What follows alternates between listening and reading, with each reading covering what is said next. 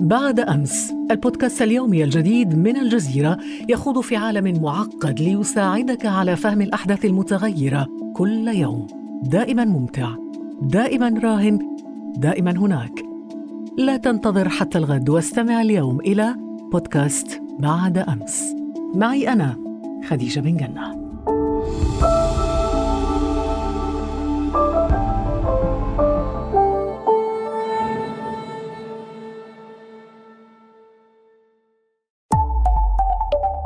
الجزيرة بودكاست.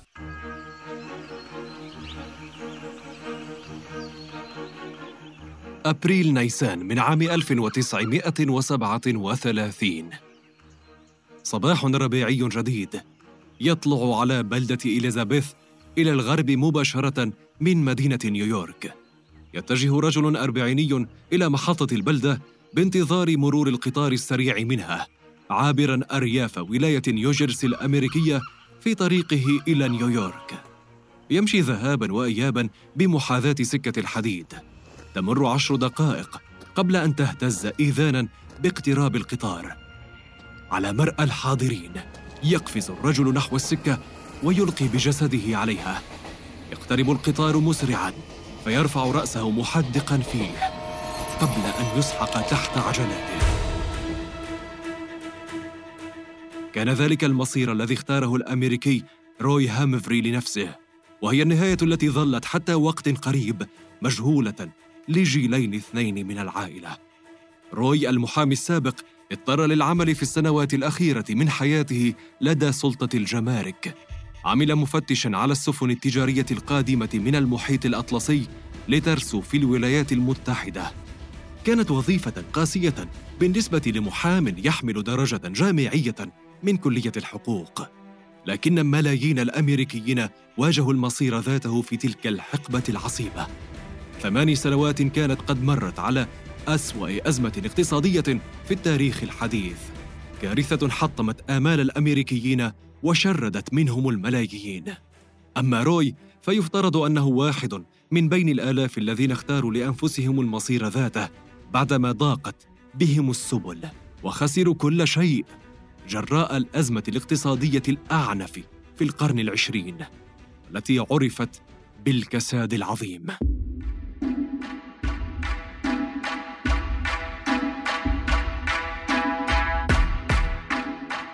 أهلا بكم في هذه الحلقة من بودكاست لحظة من الجزيرة. أنا فريد وهذه الحلقة بعنوان الكساد العظيم.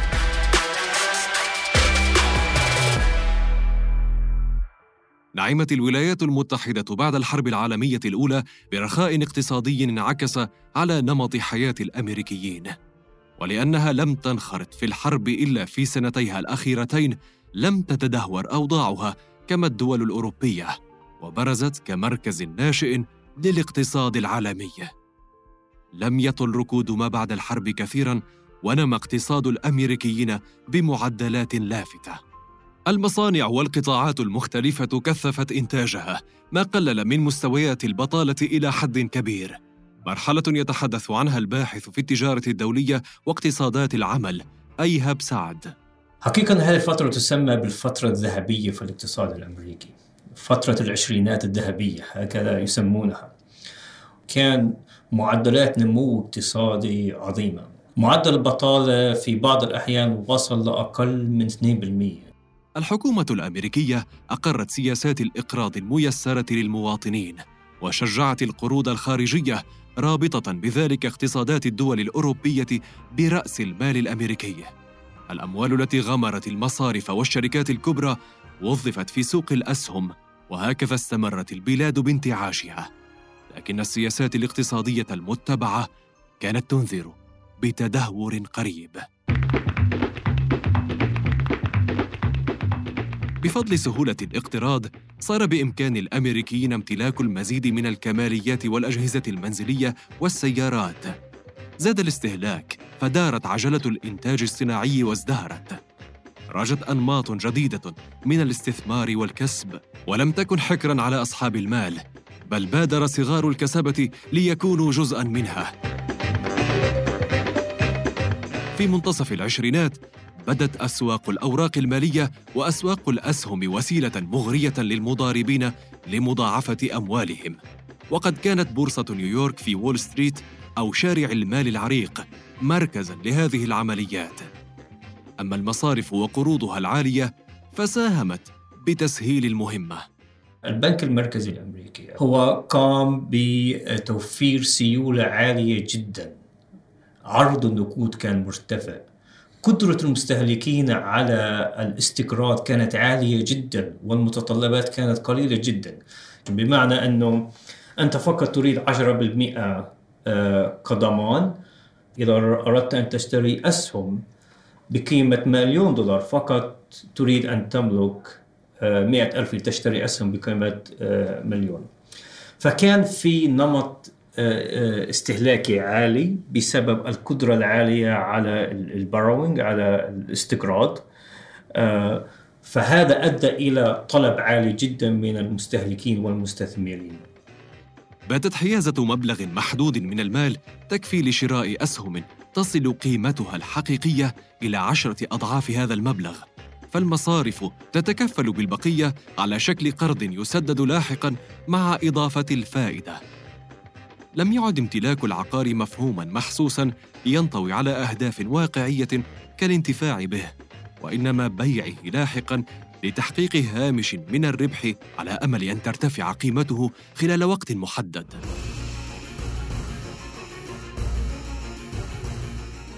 هكذا أقبل الجميع على هذا النشاط الاقتصادي مع صعود الأسهم فتولدت فقاعة أحاطت بالمستثمرين والمستهلكين.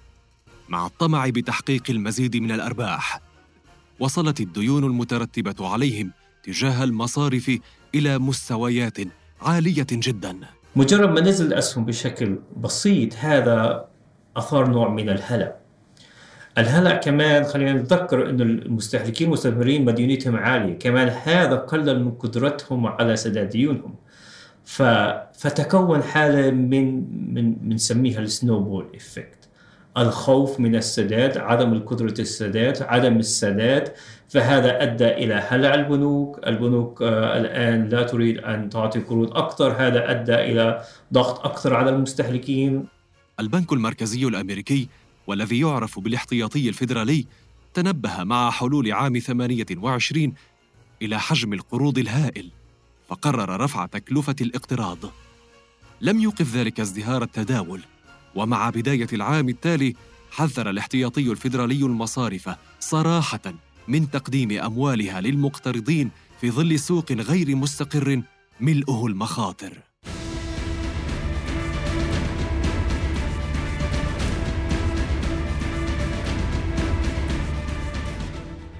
في شهر آب أغسطس من عام 29 سجلت أسعار الأسهم ذروتها، لكن ذلك لم يدم طويلاً.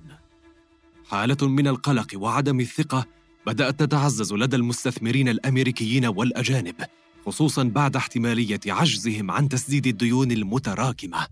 المساهمون في كبرى الشركات عرضوا أسهمهم للبيع بعد انخفاض أسعارها في الشهرين التاليين. لم يكونوا على استعداد لانتظار الكارثة.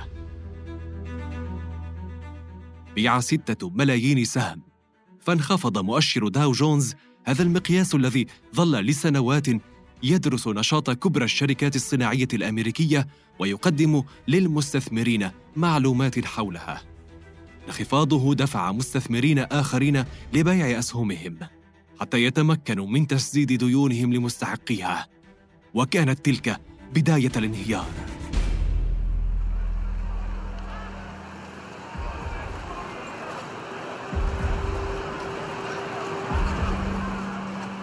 إنه الرابع والعشرون من تشرين الأول أكتوبر من عام تسعة وعشرين. يحتشد المواطنون ورجال الأمن مقابل بورصة نيويورك في شارع المال في مشهد يترجم الهلع الذي أصيبوا به للتو. ما يقارب ثلاثة عشر مليون سهم طرح للتداول بأسعار زهيدة وفي محاولة لإنقاذ السوق تسارع المصارف وشركات الاستثمار إلى شرائها. في اليوم التالي يصدر الرئيس الجمهوري هيربرت هوفر خطابا مقتضبا يطمئن فيه أصحاب المال على الاقتصاد الأمريكي المتين لكن اياما قليلة تفصل السوق عن الكارثة التالية.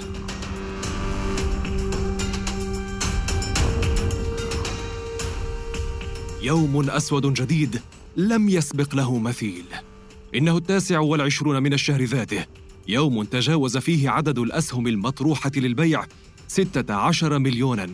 وقد عرضت مقابل أثمان بخسة فيما فشلت المصارف هذه المرة في شرائها فأقدمت على وقف القروض. البنوك بدأت تطالب بالقروض من المستقرضين لتسديد القروض. المستقرين لم يستطيعوا على تسديدها فهذا أدى إلى انهيار كبير زي ما حكينا من البنوك. البنوك المتبقية لم تعد تعطي قروض كما كانت من قبل. كان في تجديد هائل. خلفت هذه التطورات أزمة في السيولة. لم يعد بإمكان المستثمرين تشغيل المشاريع الاقتصادية واضطر المواطنون إلى الحد من استهلاكهم. خلال أقل من شهر قدرت مجمل الخسائر بثلاثين مليار دولار وهي أموال تفوق تلك التي أنفقتها الولايات المتحدة على الحرب العالمية الأولى. الخبير في الاقتصاد السياسي الدولي أحمد عوض يوضح المشهد الذي تلا ذلك. كل هذه المنتجات اللي تم إنتاجها بالمصانع الأمريكية آه، أدت إلى أنه ما فيش طلب عليها وبالتالي جزء منها تلف جزء منها آه، الشركات المنتجة والمصانع المنتجة لهذه المنتجات أصبحت غير قادرة على آه، بيع منتجاتها وبالتالي صار في عندها تراجع بالأداء في الإنتاجية. لم يكن اختلال معادلة العرض والطلب أمرا جديدا. بعض القطاعات الاقتصادية في الولايات المتحدة عانت منه سابقا. حجم الإنتاج الصناعي في فترة العشرينات كان أكبر من احتياجات المواطنين. كما ظلت أزمة الفائض الزراعي مستمرة لسنوات وقد تسببت بانخفاض أسعار المزروعات وعجز المزارعين عن تسديد قروضهم للمصارف فمضوا يبحثون عن فرص عمل في قطاعات أخرى. إلا أن انهيار المصارف خلف ملايين المفلسين والعاطلين عن العمل. ما عزز الانهيار في استهلاك السلع المتكدسة في الأسواق. في البدايات آه، تراجعت الأسعار وظلت الرواتب كما هي ولكن لعقها على طول نزول الرواتب لأنه بيعطي الرواتب وبيعطي الأجور هم القطاعات الاقتصادية اللي تعرضت للانهيار. كل هذه العوامل عمقت التفاوت الاجتماعي صار في سهولة في تسريح العاملين وطردهم.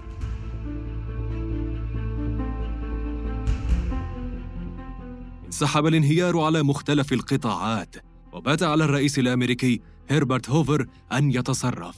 في منتصف عام 30 رفع هوفر الضرائب على الواردات إلى الولايات المتحدة وردت دول أخرى بالمثل كخطوة انتقامية فتدهورت التجارة العالمية. استمرت المصارف الأمريكية بالانهيار فيما استمر هوفر بمعارضة فتح خزانة الاحتياطي الفيدرالي لتقديم الدعم. في معارضته تلك أراد إرساء مبادئ النظام الرأسمالي الذي تقوم عليه البلاد. طبيعة النظام الرأسمالي بطبعه هو دائما يحمل في داخله أدوات نجاحه وأدوات تراجعه لأنه يسير بدون ضوابط. يعني ولأنه يعتمد على اقتصاد السوق الحر وبالتالي هو منظريه وراسمي السياسات ومن يمثلوه في السلطات الحاكمة سواء كان في الولايات المتحدة أو غيرها من الدول يحرصون على عدم تدخل الدولة في تحديد ملامح وتطور هذا الاقتصاد. هكذا تركت معدلات البطالة ترتفع دون تدخل مباشر. وواصلت معدلات النمو هبوطها. الركود الاقتصادي استحال كسادا عظيما. إذا كان في نزول بقيمة الناتج الكلي لربعين متتاليين أو بمعنى معدلات نمو سالبة لربعين متتاليين بغض النظر قيمة السالب يعتبر الاقتصاد أنه دخل في حالة ركود. الكساد هو كمان قريب من الركود ولكنه أعمق وأشد وفترته أطول. خلال أول ثلاث سنوات لغاية 1932 الاقتصاد الأمريكي معدل الناتج الأمريكي القومي نزل ما يقارب ب 25% البطالة ارتفعت من أقل من 5% إلى ما يراوح ال 20 لل 25% بأوج بأقصاها ما يقارب ثلث القوى العاملة ظلت بلا عمل. الثروة دمرت والمصانع أغلقت. هذا أدى طبعا إلى ضغط على كل المستهلكين والمنتجين والمستثمرين في الاقتصاد ولكن في أشخاص كانوا أو قطاعات متأثرة أكثر من غيرها مثلا القطاع الزراعي. والسبب كان في نزول حاد جدا كمان في أسعار السلع الزراعية. القطاع الصناعي الثقيل تأثر بشكل كبير جدا. نحكي لأنه في حال ركود في حال وجود ركود أو كساد المستهلكين سوف يمتنعون عن شراء الأثاث مثلا عن شراء السيارات عن شراء الصناعات الثقيلة ويقتصرون فقط بالمشتريات الضرورية.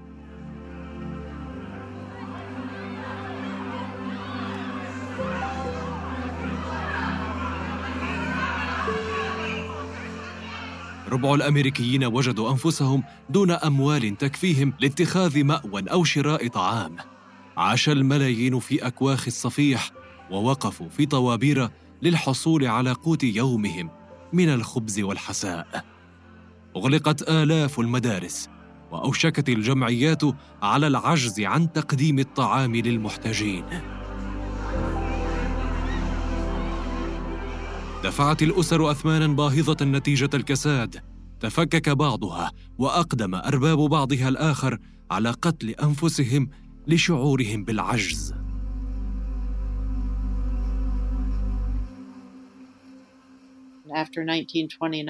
بعد عام 1929 انهار كل شيء بالنسبة إلى تلك العائلة الصغيرة. هذه إليزابيث ماكبرايد. حفيدة لأسرة أمريكية من واشنطن العاصمة. تشتتت في أعقاب الأزمة بعد أن خسر معيلها روي هامفري عمله في مجال القانون.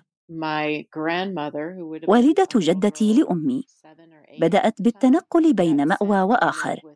أما جدتي والتي كانت طفلة في السابعة أو الثامنة من عمرها آنذاك أرسلت للعيش مع عمتها وعمها في ولاية نيوجيرسي. إليزابيث التي تعمل صحفية في مجال الأعمال اكتشفت قبل سنوات أن والد جدتها كان من ضحايا الأزمة الاقتصادية. قادها بحثها إلى حقيقة ظلت خفية عن عائلتها طوال عقود. المحامي السابق روي هامفري خسر كل شيء ليضطر في مطلع الثلاثينات للعمل كمفتش في سلطة الجمارك البحرية وهي وظيفة قاسية كما تقول. أعتقد أنه ضاق ذرعاً ووصل حده من التعب قبل أن يقدم استقالته من العمل لدى سلطة الجمارك. ذلك العمل الفظيع. وأعتقد أنه عاد وندم على الاستقالة. الوضع الاقتصادي كان قد تحسن قليلا في منتصف الثلاثينات لكنه شهد تراجعا حادا في عام 37 لذا بالنسبة لأولئك الذين بالكاد شقوا طريقهم ومضوا قدما بعد مأساة عام 21 لا بد أن التراجع مجددا في عام 37 كان مرعبا. قرر روي الانتحار في منتصف شهر نيسان أبريل من عام 37 توجه إلى محطة القطار في بلدته إلى الغرب مباشرة من نيويورك.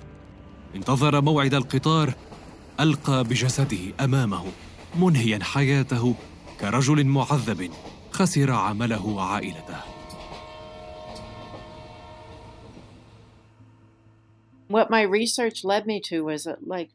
دفعني بحثي إلى التحقيق في عدد أولئك الرجال الذين واجهوا المصير ذاته تماما كجدي الأكبر. ما توصلت إليه أن معدلات الانتحار في الولايات المتحدة ارتفعت خلال الكساد العظيم أكثر من أي وقت مضى بحسب السجلات الرسمية. أعتقد كذلك أن قصص الرجال عموما تتصدر العناوين الرئيسية في الصحف. حوادث الانتحار تصدرت في ذلك الوقت. أما الحزن والألم الذي عانته النساء فكان أهدأ. ولكنه ليس أقل عمقا. تاريخ النساء أعمق. ومن الصعب النبش فيه. ولكنه في الوقت ذاته غاية في الأهمية. وصفت النساء الأمريكيات بأنهن اليتيم الأول في وجه العاصفة سجلت معدلات انتحار أقل من الرجال في أوساطهن وكثيرات منهن انفصلن عن أزواجهن واضطررن لشق طريقهن بأنفسهن. في المثير في الاهتمام من الناحية الاجتماعية كمان في جوانب هي مخفية مش معروفة كثير من في في الكساد هو دور المرأة ودور الأسرة. وكيف تحول دور المرأة؟ كيف المرأة ساهمت في التقليل من حدة الكساد؟ كيف المرأة, بدأت آه، آه، تركز على الأعمال المنزلية المنتجة من خلال الزراعة على مستوى الحديقة؟ كيف نشأ قطاع غير رسمي من الأعمال آه، بين الأسر والتبادل بين الأسر وإلى آخره؟ هكذا وصل تأثير الأزمة إلى كل بيت أمريكي قبل أن يعبر المحيط ليلقي بظلاله على أوروبا وبقية العالم. في عشرينات القرن العشرين كان انفتاح دول العالم على بعضها تجاريا أكبر من ذي قبل. الروابط الاقتصادية بين الولايات المتحدة وأوروبا كانت متينة، وانتقال الأزمة إلى الأخيرة بدا أمرا حتميا. حالما واجهت البنوك الأمريكية أزمة سيولة إثر سحب الودائع منها بادرت لاسترجاع ما أقرضته للبنوك الأوروبية. انهارت جراء الأزمة بنوك سويدية وألمانية. انخفضت قيمة الجنيه الاسترليني في بريطانيا ثم انهارت بعده عملات ثلاثين دولة أخرى تباعاً. المعاناة اللي كانوا يعانوا منها القطاعات الاقتصادية في الولايات المتحدة والشعب الأمريكي والفقر والبطالة انتقل بشكل شبيه إلى بريطانيا وانتقل إلى فرنسا وانتقل إلى ألمانيا وبدرجة أقل إيطاليا وإسبانيا وغيرها من هذه الدول المحيطة بالمراكز الاقتصادية الكبرى.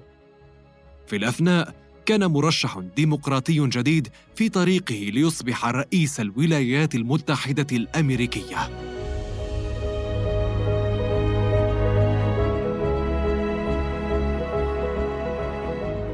You people must have faith. You must not be stampeded by rumors or guesses.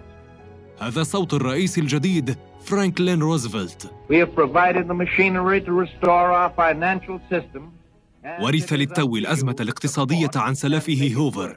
في هذه الكلمة يخاطب مسامع الأمريكيين المنهكين.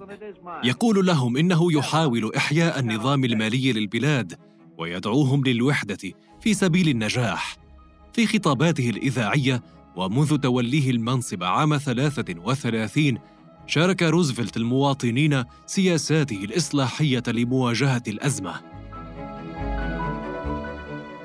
أنشأ مؤسسات لرعاية الضحايا العاطلين عن العمل، وأقر قوانين إصلاحية في مجالات الصناعة والزراعة. أعاد فتح بعض المصارف ونظم عملها. أوقف ارتباط الذهب بالدولار وحدد سعره فانخفضت قيمة الأخير وشجع انخفاضه المستثمرين في الخارج على بيع الذهب مقابل الدولار. هكذا تدفق الذهب إلى المصارف الأمريكية فزاد استقرارها.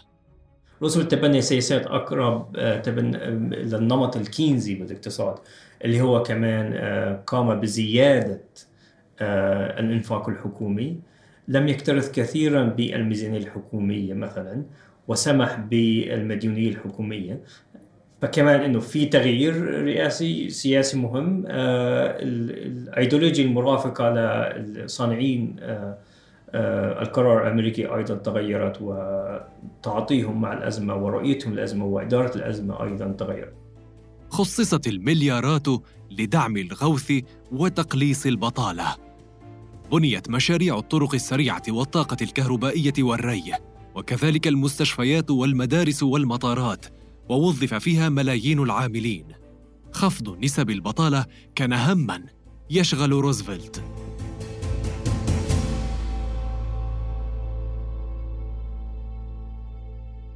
طوال السنوات اللاحقة، استمر نمو الاقتصاد الأمريكي بالصعود باستثناء الركود الذي تجدد بين عامي 37 و 38 إلى أن دقت طبول الحرب وبفضلها انتعشت صناعة الأسلحة الأمريكية منهية الكساد العظيم وتداعياته ومؤسسة لكارثة إنسانية أخرى اسمها الحرب العالمية الثانية.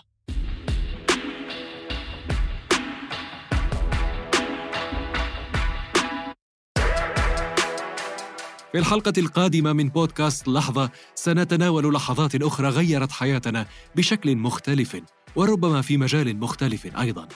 انتظرونا في الحلقة المقبلة لتتعرفوا على اللحظة القادمة. ولا تنسوا زيارة موقعنا على الإنترنت podcast.aljazeera.net ومشاركة هذه الحلقة مع أصدقائكم. كان معكم في هذه الحلقة فريد. إلى اللقاء.